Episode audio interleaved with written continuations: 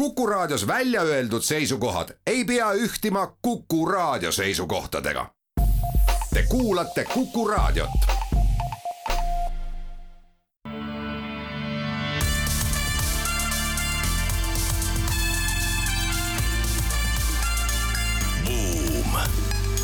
buumile annab hoogu SEB Pank tere päevast, on kahekümne esimene september kahe tuhande kahekümne teine aasta, oleme taas Buumi saatega eetris, saatejuhid sedapuhku Raivo Vare ja Anto Liivat.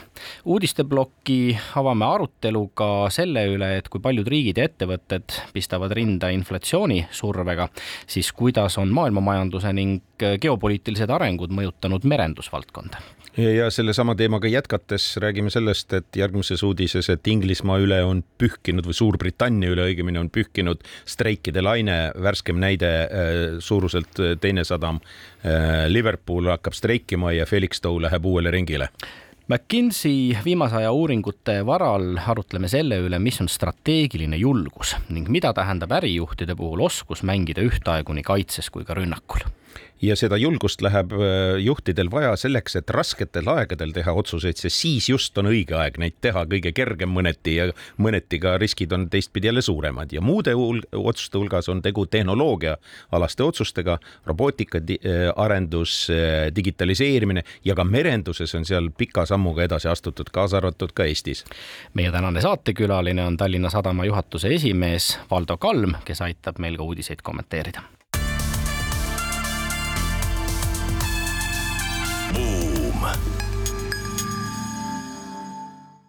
nii nagu lubatud sai, avame saate aruteluga maailma majanduse ning geopoliitika mõjude üle merendusvaldkonnas. kui koroonapandeemia ajal vähenes nõudlus kaupade järele, laevandusettevõtted jätsid reisid ära ning laevad seisma, siis nüüd me oleme näinud nõudluse taastumist ja sellega seoses on üsna hästi hakanud minema ka laevandusvaldkonnal samas hinnad on meeletult kasvanud äh, olenevalt, kust otsast äh, vaadata, aga kahekümne esimesel aastal maailmas keskmisena kaubaveo hinnad tõusid kolmsada protsenti ja noh, siin konteiner Shanghai'st Rotterdami maksis üle kümne tuhande dollari, noh, mis on lausa ka enam kui viiesaja protsendiline hinnakasv, kui viimase viie aasta keskmist vaadata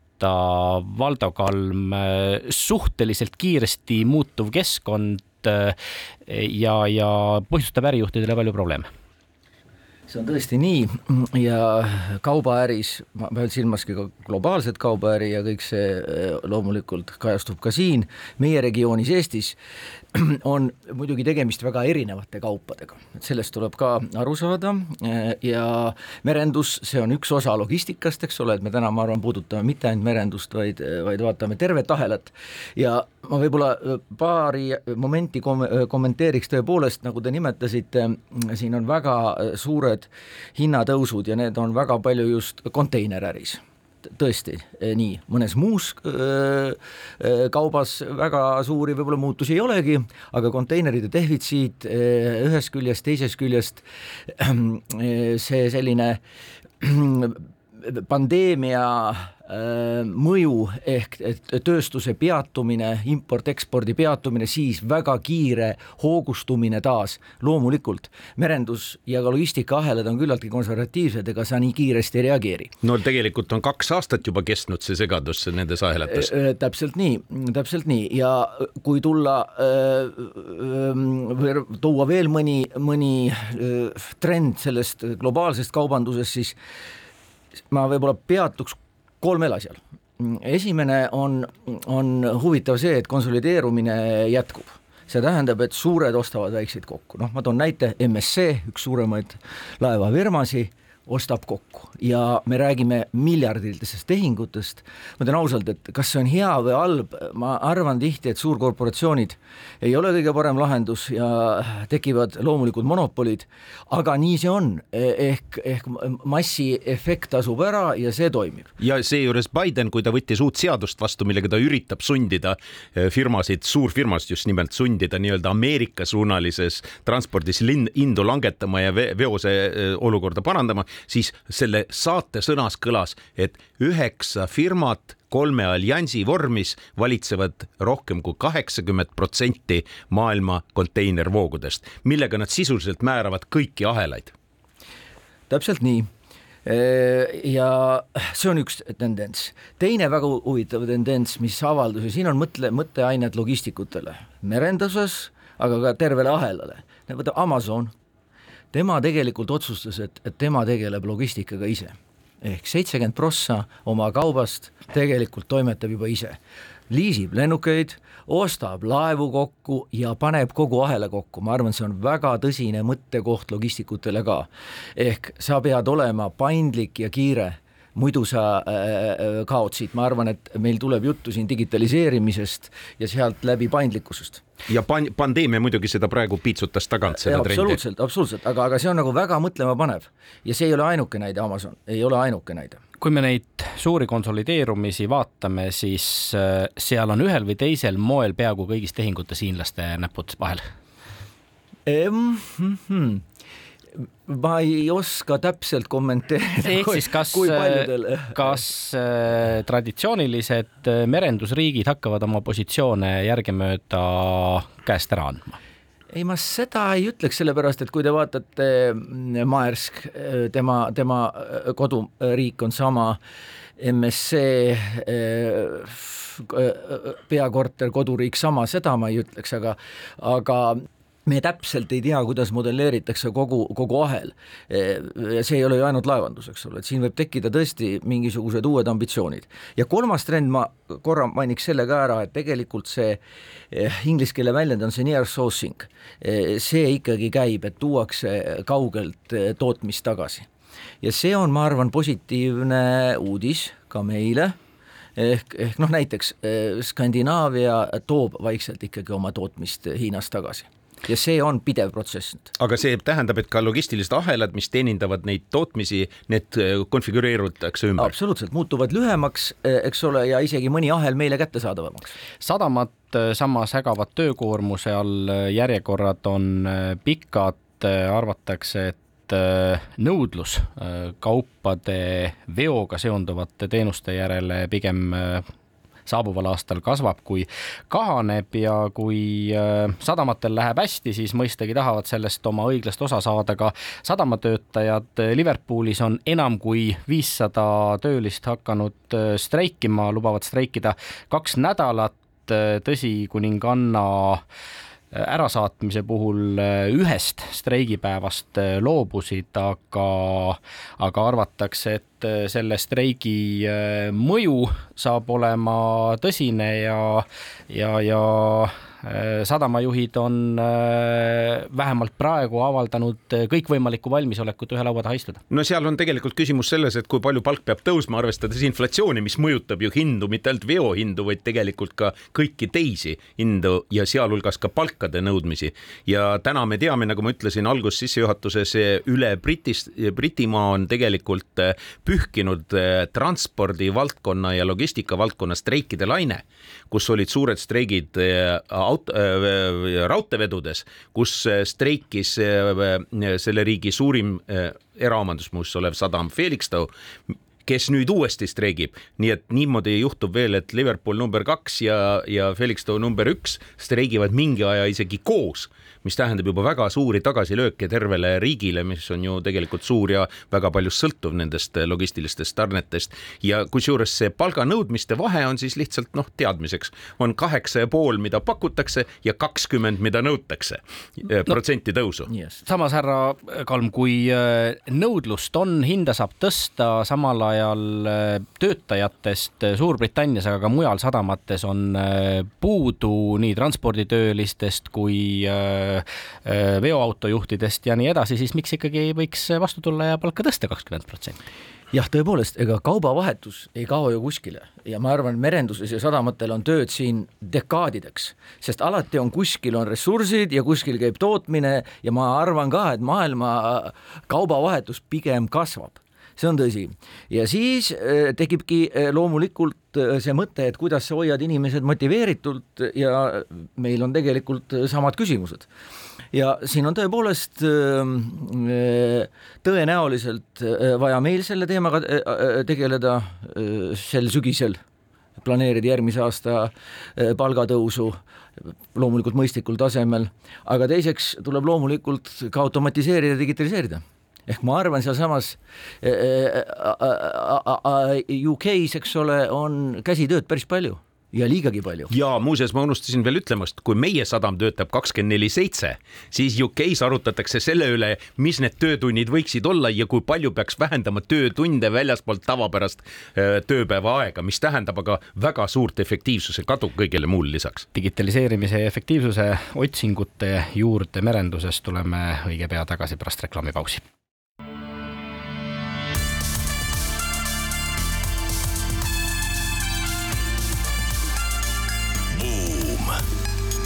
buumile annab hoogu SEB Pank oleme tagasi Buumi eetris, saatejuhid Raivo Vare ja Anto Liivat ning meie tänaseks saatekülaliseks Tallinna Sadama juhatuse esimees Valdo Kalm. räägime nüüd ühest McKinsey artiklist, mis viitab paljudele nende viimase aja uuringutele ja järeldab, et äh, juhtide puhul on oluline strateegiline julgus. strateegiline julgus peaks siis tähendama oskust mängida ühtaegu nii kaitses kui rünnakul või äh, siis tegelikult pöörata tähelepanu nii juhtimisega seotud tegevustele, mis aitaksid ettevõttes määramatust vähendada, vähendada ka võimalike negatiivsete arengute või ohtude mõju ettevõttele, aga teiselt poolt tuleb tegeleda ka eestvedamisega, kutsuda ellu neid tulevikku suunatud muutusi, mis on tarvilikud. mida see kaitses ja rünnakul ühtaegu mängimine merendusvaldkonnas või, või, või ka sadamaäris tähendab? Jah, see, ma arvan, kehtib äh, kõikides ärides. Äh, ja, ja merenduses, äh, mis on nii-öelda infraärimudel on ju väga pikk äh, vaade alati. Ja, ja seal sa pead tõesti aru saama, mis on äh, megatrendid ja, ja kui sa teed investeeringud, neid äh, tuleb, tuleb mõelda ja tuleb pikalt ette mõelda. kui te küsite, mis see tähendab, võib-olla ma näitlikustan seda, noh näiteks kakskümmend kakskümmend oli ju päris raske aasta meile kõigile ja ka Tallinna Sadamale, noh kuna reisijate äri pandeemiast sai väga-väga mõjutatud, noh õnneks meil on portfellis neli äri ja teised kompenseerivad seda ja üldjoontes me oleme päris äh, hästi kaitstud sellistele riskidele, aga ikkagi äh, see ärivaldkond kukkus palju, me pidime vähendama kulusid, see tähendab ka oma palgakulusid näiteks. Äh, samal ajal tegime me mõned väga strateegilised otsused, otsustasime oma strateegiliste investeerimisprojektidega edasi minna üks nendest oli kruiisiterminali ehitus ja ma ütlen, et nüüd tagantjärgi see oli väga õige otsus, sest me saime ikkagi väga hea äh, investeeringu äh, tasemega objekti ehitatud, teiseks kruiis taastus see aasta, me olime kõigeks selleks valmis, teine automaatsildumisseadmed. jälle me julgesime äh, nendega edasi minna ja, ja tänu sellele me nüüd hoiame kulusid kokku ehk võib-olla selline äh, näide ja neid selliseid otsuseid äh, tuleb nagu julgeda teha. Õnneks meil oli julgust, oli meie nõukogul julgust, nii et me oma suuremaid investeerimisotsuseid tehes noh, ei peatanud arengut, pigem läksime äh, kaasa ja tegime trendi, eks ole kusjuures see, mis Valdo praegu näitena tõi, on tegelikult väga iseloomulik ka selle McKinsey raportis välja toodud eripärale. tegelikult see defensiivne loogika mängib veel kuidagi kui on äh, rahulikud ajad, aga kui on keerulised ajad, praegu nagu praegu on, siis on see oht väga suur et, äh, et tegelikult äh, sel ajal on väga oluline, et sa kõrvuti defensiivsusega suudad ka proaktiivselt toimida ja strateegiliselt toimida, täpselt nii nagu ta, äh, praegu jutt oli, sellepärast et defensiivne variant sellisel juhul tavaliselt toob kaasa pigem kaotusi või vähemalt parimal juhul ainult konserveerumist, aga ega areng ei tohiks peatuda ka rasketel aegadel. täpselt nii. lisaks sellele, et jälgida megatrende, olla olulise informatsiooni eh, sees, eh, ütlevad McKinsey analüütikud, et eh, tarvilik on olla mingisugusteski asjades esimesed, noh, nad kiidavad British Petroleumit selle eest, et et, et nad äh, Rosnefti äh, osaluse müüki panid, tegid seda kiiresti, vaatamata sellele, et see oli majanduslikult äh, valus. milles merendusvaldkonnas on täna oluline olla esimene või ka võimalik olla esimene, et, et olla hiljem siis see, kellele viidatakse mingisuguse trendi loojana? ma jätkuvalt ütlen, et äh, on võimalik ja, ja me ise proovimegi olla, ütleme, automatiseerimis, digitaliseerimises, see lihtsalt loob konkurentsieelise.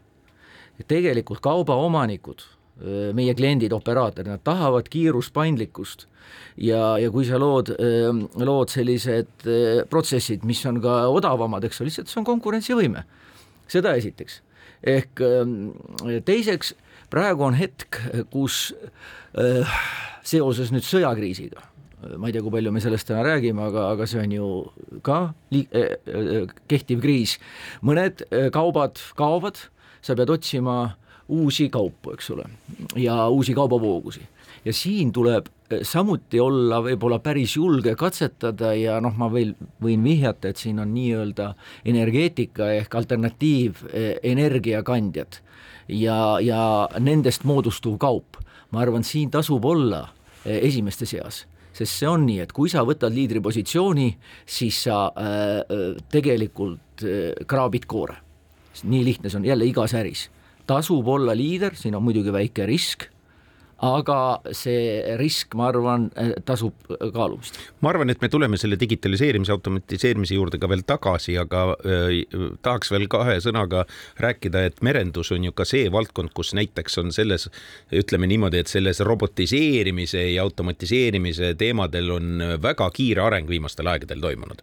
ja kui me räägime sellest, et terved äh, flotillid on väljaarendamisel, kus, kus tegu on automaatlaevadega, kus ei ole tegelikult tegelikult personali üldse pardal ja toimib distantsjuhtimine ja, ja neid kasutatakse eelkõige sellistel puhkudel, kui noh, inimese, kuidas nüüd öelda, inimese tervisele ja heaolule on suurem oht, siis meie saadetakse sinna masinad, piltlikult öeldes, see on nagu demineerimisrobotid, sama loogika.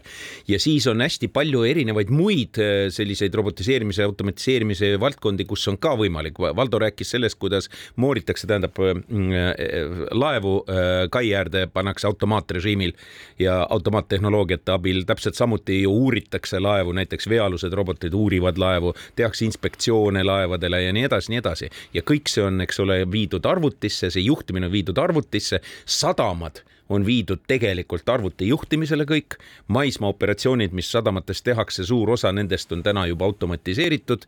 noh, piltlikult öeldes kolm inimest kolme arvutiga teevad selle töö ära, mida vanasti tegi noh, väga suur hulk inimesi ja see kõik toimu-, on toimunud juba varem, enne kui uus periood algas, aga nüüd see on protsess vist kiirenemas täpselt nii, et kui me nüüd vaatame jah, mis maailmas laiemalt eh, toimub, eks need arengutasemed on erinevad, aga kui me räägime mehitamata laevadest, siis tõepoolest eratellija Norras on juba tellinud esimesed kaubalaevad ja eh, neid praegu ehitatakse, teste on tehtud juba, ma arvan, kuskil kolmes-neljas riigis.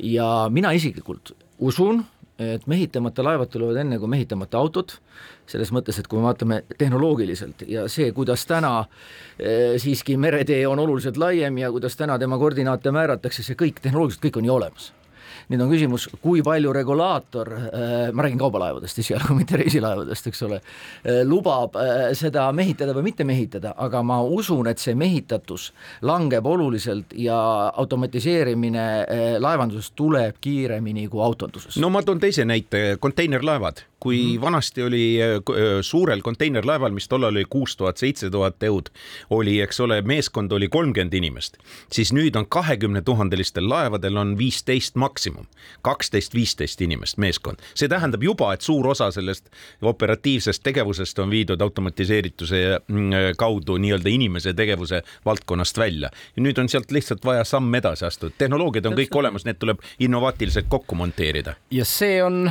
juhtide väljakutse ning vastutus, juhid ometigi kipuvad olema konservatiivsed ja vanadest harjumustest on hirmus raske loobuda. Beyond Meati tegevjuht, äh, räägime siis suurest äh, vegan toitu valmistavast kontsernist, mis on New Yorgis ka noteeritud äh, ja, ja Douglas Ramsist selle juhi isikus, kes on nüüd kinni peetud seetõttu, et et parklas hammustas teist inimest ninast. väärib vist meenutamist, et seesama Douglas Ramsey, enne kui vegan ettevõtet juhtima hakkas, oli suure lihatööstuskontserni pealik ja müüs McDonaldsile burgerite tegemiseks liha. ja sealt ka pealkiri, et vanad harjumused on visad äh, kaduma. no mis ma saan kommenteerida, küllaltki ebastabiilne tüüp, eks ole, aga aga tõesti, et tegelikult teisest küljest äh, Raivo, aitäh, sa väga optimistlikult kirjeldasid meie merendust, aga tegelikult on see üsna konservatiivne valdkond ja selles suhtes mina olen siin ka uustulnuk suhteliselt, aga ütlen, et praegu on üllatavalt kiireid muutusi toimunud, ehk paradigma aeg praegu on, et tehnoloogia muudab merendust kõvasti, me rääkisime nendest mehitamata laevadest, uued kütused kohe, eks ole, meil on head näited ka, eks ole, siin on meil LNG, üks laev sõidab iga päev, teine kohe tuleb Tallinkil ja sadamad peavad kõigeks selleks valmis olema ja vot meie ülesanne on, on siin olla valmis, aga lõpuks on ju kogu ahel veel. sellest me räägimegi pärast väikest kommertspausi.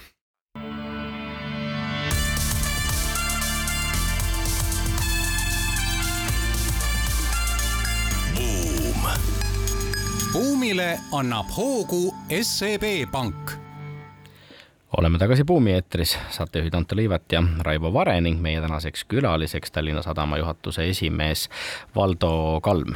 saate hea toetaja SEB on andnud teada, et äh, sõja tõttu värvatakse vähem ja tööturg äh, kipub jahtuma. kui me vaatame väikese ja keskmisega suuruse väikese ja keskmise suurusega ettevõtteid, siis äh, Baltic Business Outlook Outki andmetel ainult kuus protsenti neist prognoosib töötajate arvu kasvu. kas Tallinna Sadam äh, värbab või pigem mitte ja kui värbate, siis pidades silmas ka tuleviku väljakutseid, uusi võimalikke ärisuundi, äh, keda te värbate ja miks?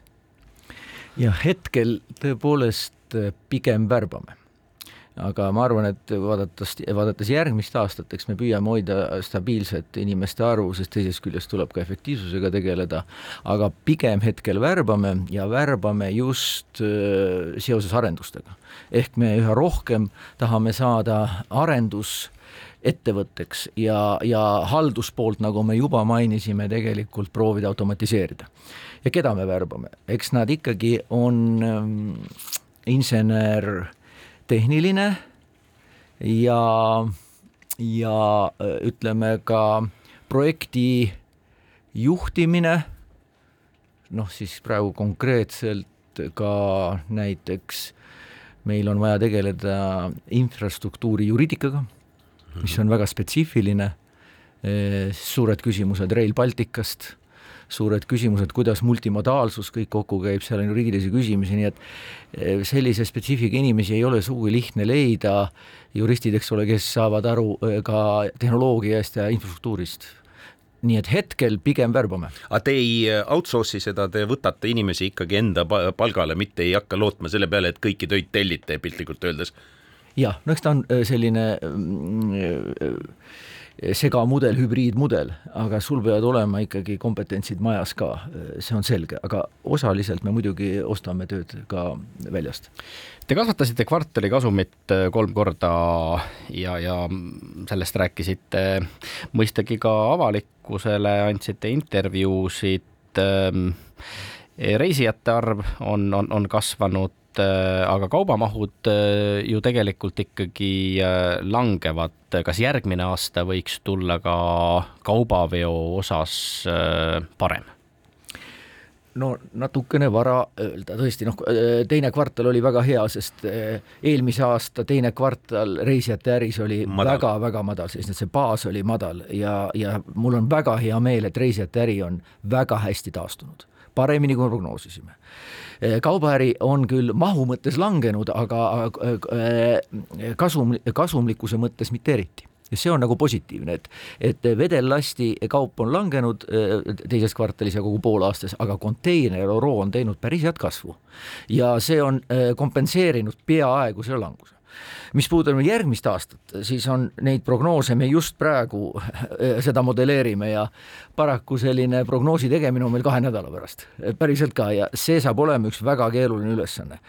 noh, trendidest me võime öelda, et me loodame, et reisijate äri jätkab taastumist mis on väga oluline, see on, see on täna mahult meil kõige suurem äri ja kaubaäris me väga loodame eh, sellist asendumist, sest teatud vedellast ikkagi ju eh, jätkab kukkumist. ja ved-, eh, väetised samuti? jah, ja see väetis, mis on, on kukkunud, on juba kukkunud, seal enam polegi no midagi... nüüd on veel välja vaja vedada. jah, aga noh, see on väga väike osa, ütleme sirvides merendusvaldkonna prognoose järgnevateks aastateks, siis üks asi, millest peaaegu kõik äh, analüüsimajad kirjutavad, on äh, pikad järjekorrad sadamates ja paljude kriitilise tähtsusega sadamate väike läbilaskevõime. milline olukord Tallinna sadamas on ja, ja, ja miks ikkagi need maailma sadamad nüüd ühtäkki nii umbes on? Jah, see on pikem lugu, aga meil seda probleemi ei ole.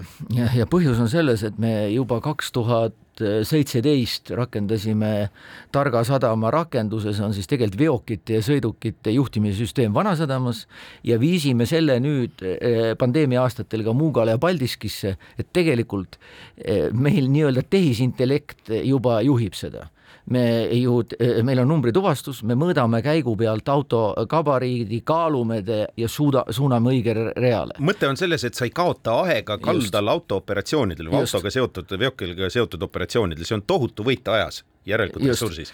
ja meil on õnnestunud äh, näiteks ka tänu Reidi tee projektiga, mida ma siin jätkuvalt kiidan, et väga heas koostöös linnaga õnnestus päris palju eh, lahendada ka eh, nii-öelda sadamalalt väljumist ma ütleks, osa linnad on sellega väga-väga kimpus ja me te teadlikult viime veokeid üha rohkem Muugale nii et meil on nagu teadlik strateegia ja sellepärast ma ütleks, meil ei ole selliseid probleeme, jah, ma olen külastanud Hamburgi, aga, aga see on ka näide sellest, et seal on sadam keset linna. ja ta on veel pikaks välja venitatud, mis teeb tal hästi keeruliseks Just. logistika.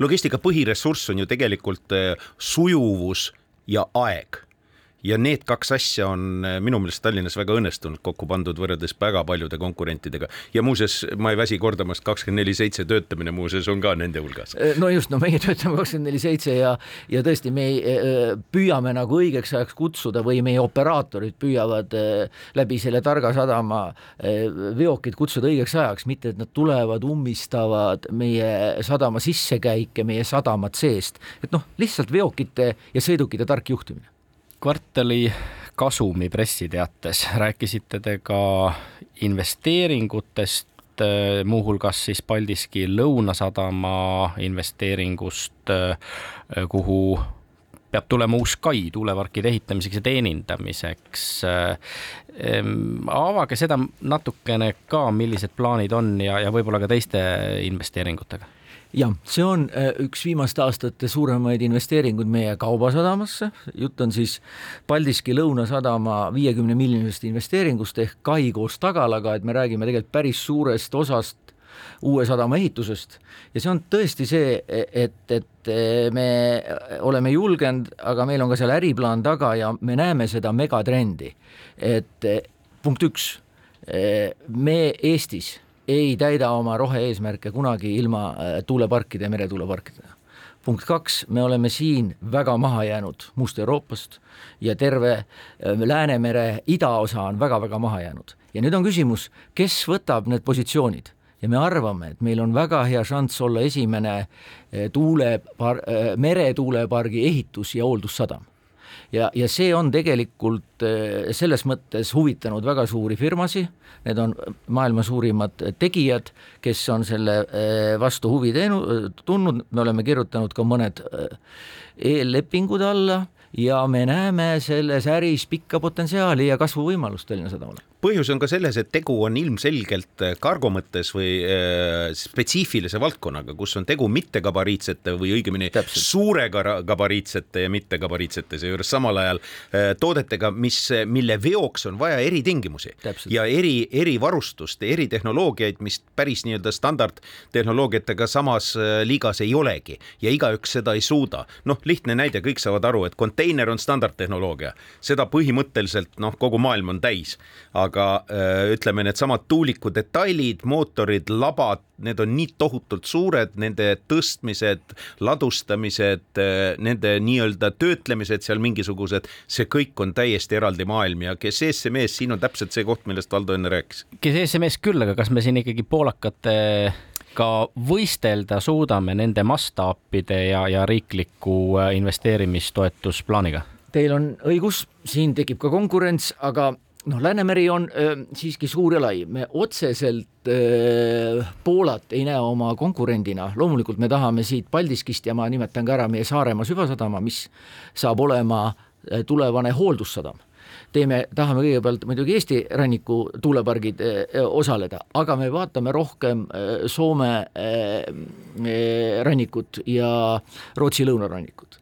nii et siin ma arvan, tööd on palju ja nii nagu Raivo just nimetas, et meil on Paldiski ideaalne koht selleks, me, meil on seal väga hea Stividor operaator, kes suure gabariidilistega äh, äh, kaubaga juba on tegelenud, meil on seal tagalas vabu maid, me tegelikult prooviks leida mõne tuulepargi komponentide tootja, oma tootmis või ühesõnaga tööstusparki, et me sõna otseses mõttes, seal võib tekkida niisugune väga hea väärtusahel mida äh, tuulepargi arendajale pakkuda kai lähedane, mis on omaette väärtus logistika nii-öelda konkurentsivõimekus, selle ahela konkurentsivõimekuse seisukohast, minu arvates see on väga suur äh, samm edasi.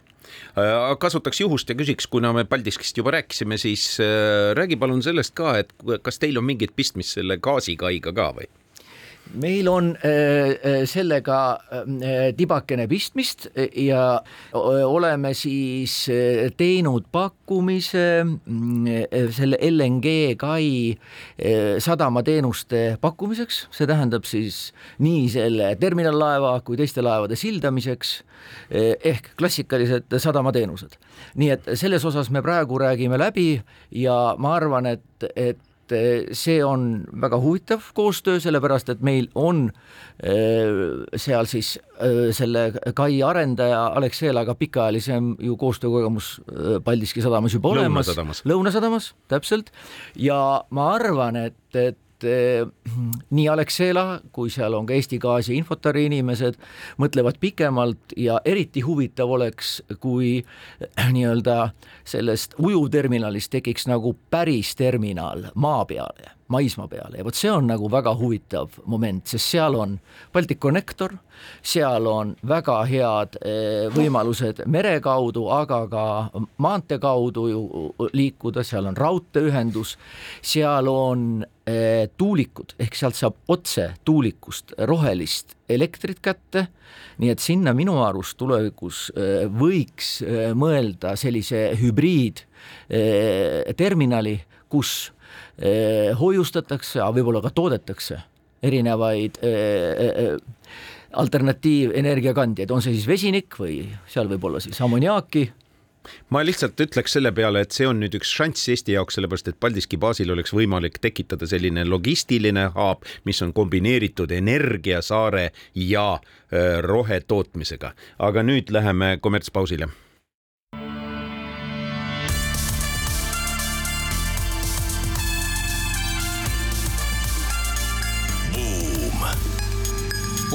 buumile annab hoogu SEB Pank oleme tagasi Buumi eetris, saatejuhid Raivo Vare ja Anto Liivat ning meie tänane saatekülaline on Tallinna Sadama juhatuse esimees Valdo Kalm. viimases saateplokis räägime sellest, kuidas tehnoloogia areng mõjutab logistika valdkonda.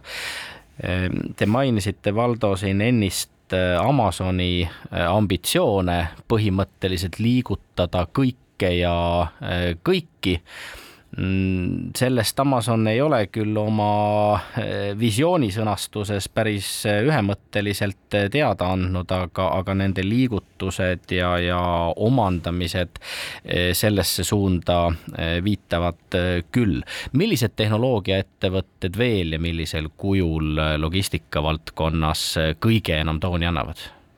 Mhm. noh, Amazon on selles mõttes väga hea näide, mis toob välja äh, ühe sellise kliendi vajaduse, väiksemate kaupade kiire paindliku liigutuse ja ma arvan, et Eh, on see siis eh, Alibaba või, või on see sellise e-kaubanduse ettevõtted, see on üks, üks suur grupp. see on millele... siis väike partiilisusega töötavad just, ettevõtted. ja, ja meie ei suuda sellele täna vastata, sellepärast et ütleme ausalt, kogu logistikaahel ei, e, ei, ei tööta täna niimoodi, ta ei ole terviklik, ta ei ole digitaliseeritud ja kahjuks seda nii-öelda mitme transpordi koos, koostööd ja mõju on ju väga vähe tegelikult Amazon... see eriliigilisus on probleemiks, eks Muidugi. ole, nii kauba kui ka modaalsuste eriliigilisus just, on probleemiks. just, seepärast ega kaubaomanikku ei huvita midagi muud kui ainult aeg ja hind teda ei huvita, vead seda meritsi või õhutsi, tegelikult see ei ole tema huvi.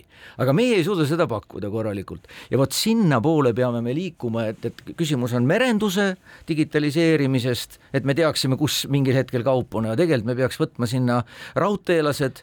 E, täna me töötame näiteks Tallinna Sadamas väga tihedalt e, veoautodega, noh, seal meil juba on see e, digimine ja, ja lennundus, et tegelikult erinevad liigid peaks kokku töötama no me samal ajal teame seda, et äh, Amazon äh, tahab arvatavasti hakata liigutama ka veoautosid, miks mitte äh, laevu ja jätta kõigile teistele võimalikult väikse tüki sellest üleilmsest logistikaärist. noh, Alibaba samamoodi üks maailma kõige suuremaid tehisintellekti arendajaid et missugune roll või konkurentsieelis ülejäänud mängijatele võiks äh, tulevikus selles logistikaäris äh, jääda, kui suured tehnoloogiahiiud äh, püüavad põhimõtteliselt kõigist koogitükkidest ampsata?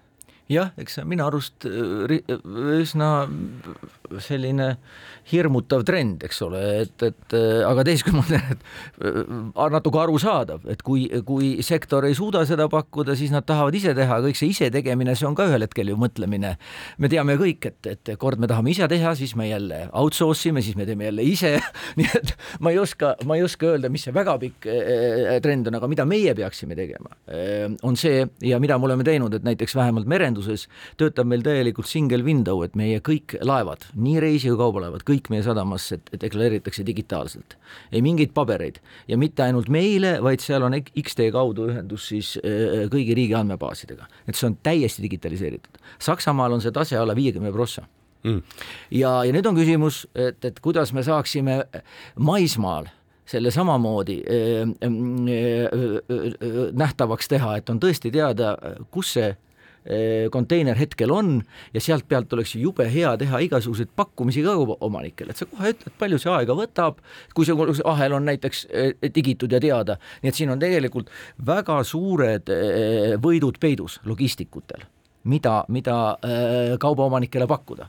aga selleks ma ütlen, et on siin raudteel suured küsimused ma rohkem ei kommenteeriks. noh, ma ja... võtan seda natukene isiklikult ikka veel vana raudteelasena Mul... ära, Raivo, võta isiklikult, aga aga ma ütleks selle peale, et noh, et aga siin võib-olla ongi kohe minul küsimus, et kas siin on noh, raudtee on konservatiivne ja raudtee on väga palju seotud olnud selle nõndanimetatud Vene süsteemiga Just. ja seal on omad probleemid, ma olen kursis, aga nüüd meil on ju Rail Baltic tulemas Just. ja Rail Balticu puhul on võimalik proaktiivselt ju ette ette teha asjad ära või leppida kokku mängureeglid, panna tehnoloogiliselt asjad paika, kas selles suunas liikumine toimub? ma väga usun ja loodan ja tegelikult mina isiklikult usun raudteesse, see on äh, mitte ainult raha, roheline transport, vaid ta on ka äh, efektiivne ja minu arust tuleks kiirelt tegutseda ja üha rohkem rekkaid äh, tõsta rongi peale. ja hea näide on nüüd, et te, te, läks nüüd e eelmine nädal üks testrong, mille nimi on Merevaigu rong mm, -hmm. mis soojendab ette Rail Balticut, läks Kaunasesse ja tegelikult saab ju ja peabki mitte ainult konteineri, vaid ka äh, veokisabasi tõsta spetsiaalplatvormidele ja juba harjutada see Rail Baltica trassi ette. ja mina väga usun ja loodan sellesse Rail Baltica projekti, ehk sellega peaks kaasa tulema ka digitaliseerituse teine tase ehk ka kauba, mitte ainult rongi, vaid ka kauba juhtimise teine tase. paljud maailma suured sadamad ongi ju muuhulgas umbes seetõttu, et need põhiprotsessid ei ole digitaliseeritud või vähemalt ei ole täielikult digitaliseeritud miks merenduses, sadamaäris see kõik ikkagi nii kaua aega võtab või nii keeruline on? ta on mitte ainult sadamaärises, vaid üldse digitaliseerimisega on niimoodi, et, et sa pead enne tegelikult protsessid kirjeldama ja tegema, kuidas see eestikeelne sõna üldse on, process engineering'u ette ära, sa pead protsessi ehk töökirjelduse enne paika saama ja siis digitaliseerid muidu sa digitaliseerid ühte eh, nii-öelda bardakki. Ja, ja eh, selles mõttes see eh, jäetakse tegemata ja, ja samamoodi logistikas. aga see on see raske pool, kui me juurutasime koos Tallinki, Viking Line'i, Eckeroline'iga Tarka sadamat, siis see oli see kõige raskem koht, et sa pead tegelikult tööprotsessid ümber tegema. Ja neid asju, mis on kolmkümmend, nelikümmend aastat nii tehtud, need enam ei kehti kas seal on see probleem, et seal on vaja seda ökosüsteemi luua, sisuliselt sul on vaja nii-öelda partnership'is või sellest äh, partnerite võrgustikus saavutada korraga see äh, toimetamine ühes suunas, ehk siis kõik peavad seda tegema, sellest ei piisa, et sadam üksi kirjeldab, eks ole, sul on vaja kõik oma täpselt partnerid nii. saada samale pulgale, samale reale. täpselt nii. Ja noh, kui me räägime targast sadamast, siis seal peavad ju e, e, autovedajad ka tulema kaasa sellega, eh, sest muidu sa seda osa ahelast ei tea ära. ja sellepärast meie näiteks Tallinna Sadamas on sõna otseses mõttes, tegeleme protsessi juhtimisega, me oleme kirjeldanud oma neli-viis kõige tähtsamat protsessi, mis on siis horisontaalsed. et me ju juhime klassikaliselt ja, ja sadamad juhivad vertikaalselt aga sa pead tegelikult nii-öelda end-to-end protsessi ära kirjeldama ja siis asud teda digitaliseerima, mitte vastupidi. see muuseas väga hästi korreleerub meie eelmise saate teemaga, kus me rääkisime digitaliseerimisest äris tervikuna, mitte konkreetselt logistika valdkonnas, pigem rohkem tootmise poole pealt vaadates mm, -hmm. aga tegelikult on need sarnased täpselt probleemid, täpselt sama jäi ka tollest saatest kõlama.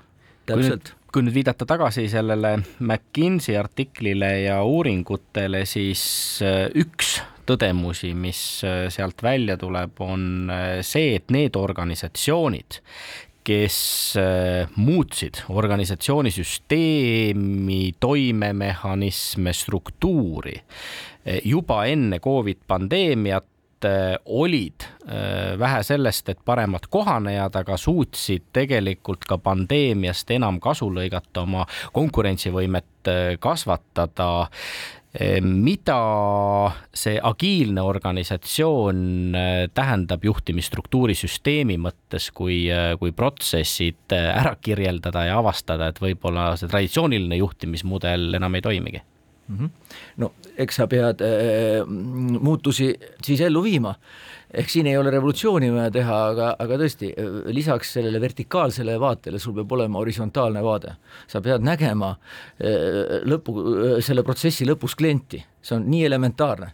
seda esiteks, eh, teiseks sul vist võib-olla on natuke teisi inimesi ka vaja, eks ole, ja siis sa pead julgema ka ikkagi investeerida nii et näiteks meie mõtleme ka niimoodi, et, et äh, võib-olla meil on vaja startup'i likumat äh, mõtlemist veel, et me oleme kahel korral teinud sellise startup kiirendi Tallinna mm. Sadamas ja, äh, ja noh, ütleme seda laadi mõtteviisi ja see on kiirus ja see on see agiilsus, mis annab sulle konkurentsieelise. ehk siis päris nii ikkagi lõpmatult ei saa, et et töötame piltlikult öeldes vasakult paremale, aga juhime ikka ülevalt alla. Ei saa ja see on selline uus mõtlemine, ehk see on see, ma ei tahaks kasutada, see ei ole hea sõna, see maatriks, aga päris sellest ei pääse ühel hetkel. kas tundub nii, Valdo, et tegelikult sinu rikkalikus kogemus telekomi valdkonnas on ka siin kasu olnud, sest seal on seda rohkem olnud juba varasemast ajast? no ma arvan, et on, aga seal oli maatriks isegi, isegi liiga palju nii et maatriksil on ka omad plussid-miinused, sa ei tohi üle sellega doseerida suur aitäh, härra Valdo Kalm, Tallinna Sadama juhatuse esimees, meile saatekülaliseks äh, tulemast. tänasele buumile tõmbame siin nüüd äh, joone alla, eetris oleme aga juba täpselt nädala pärast, äh, siis on meie saatekülaliseks Siim Sikkut ning võtame ette kõik need arengud, mis puudutavad riigi toimimist ja juhtimist digitaalses ühiskonnas. seniks aga mõnusat nädala jätku ja kuulmiseni!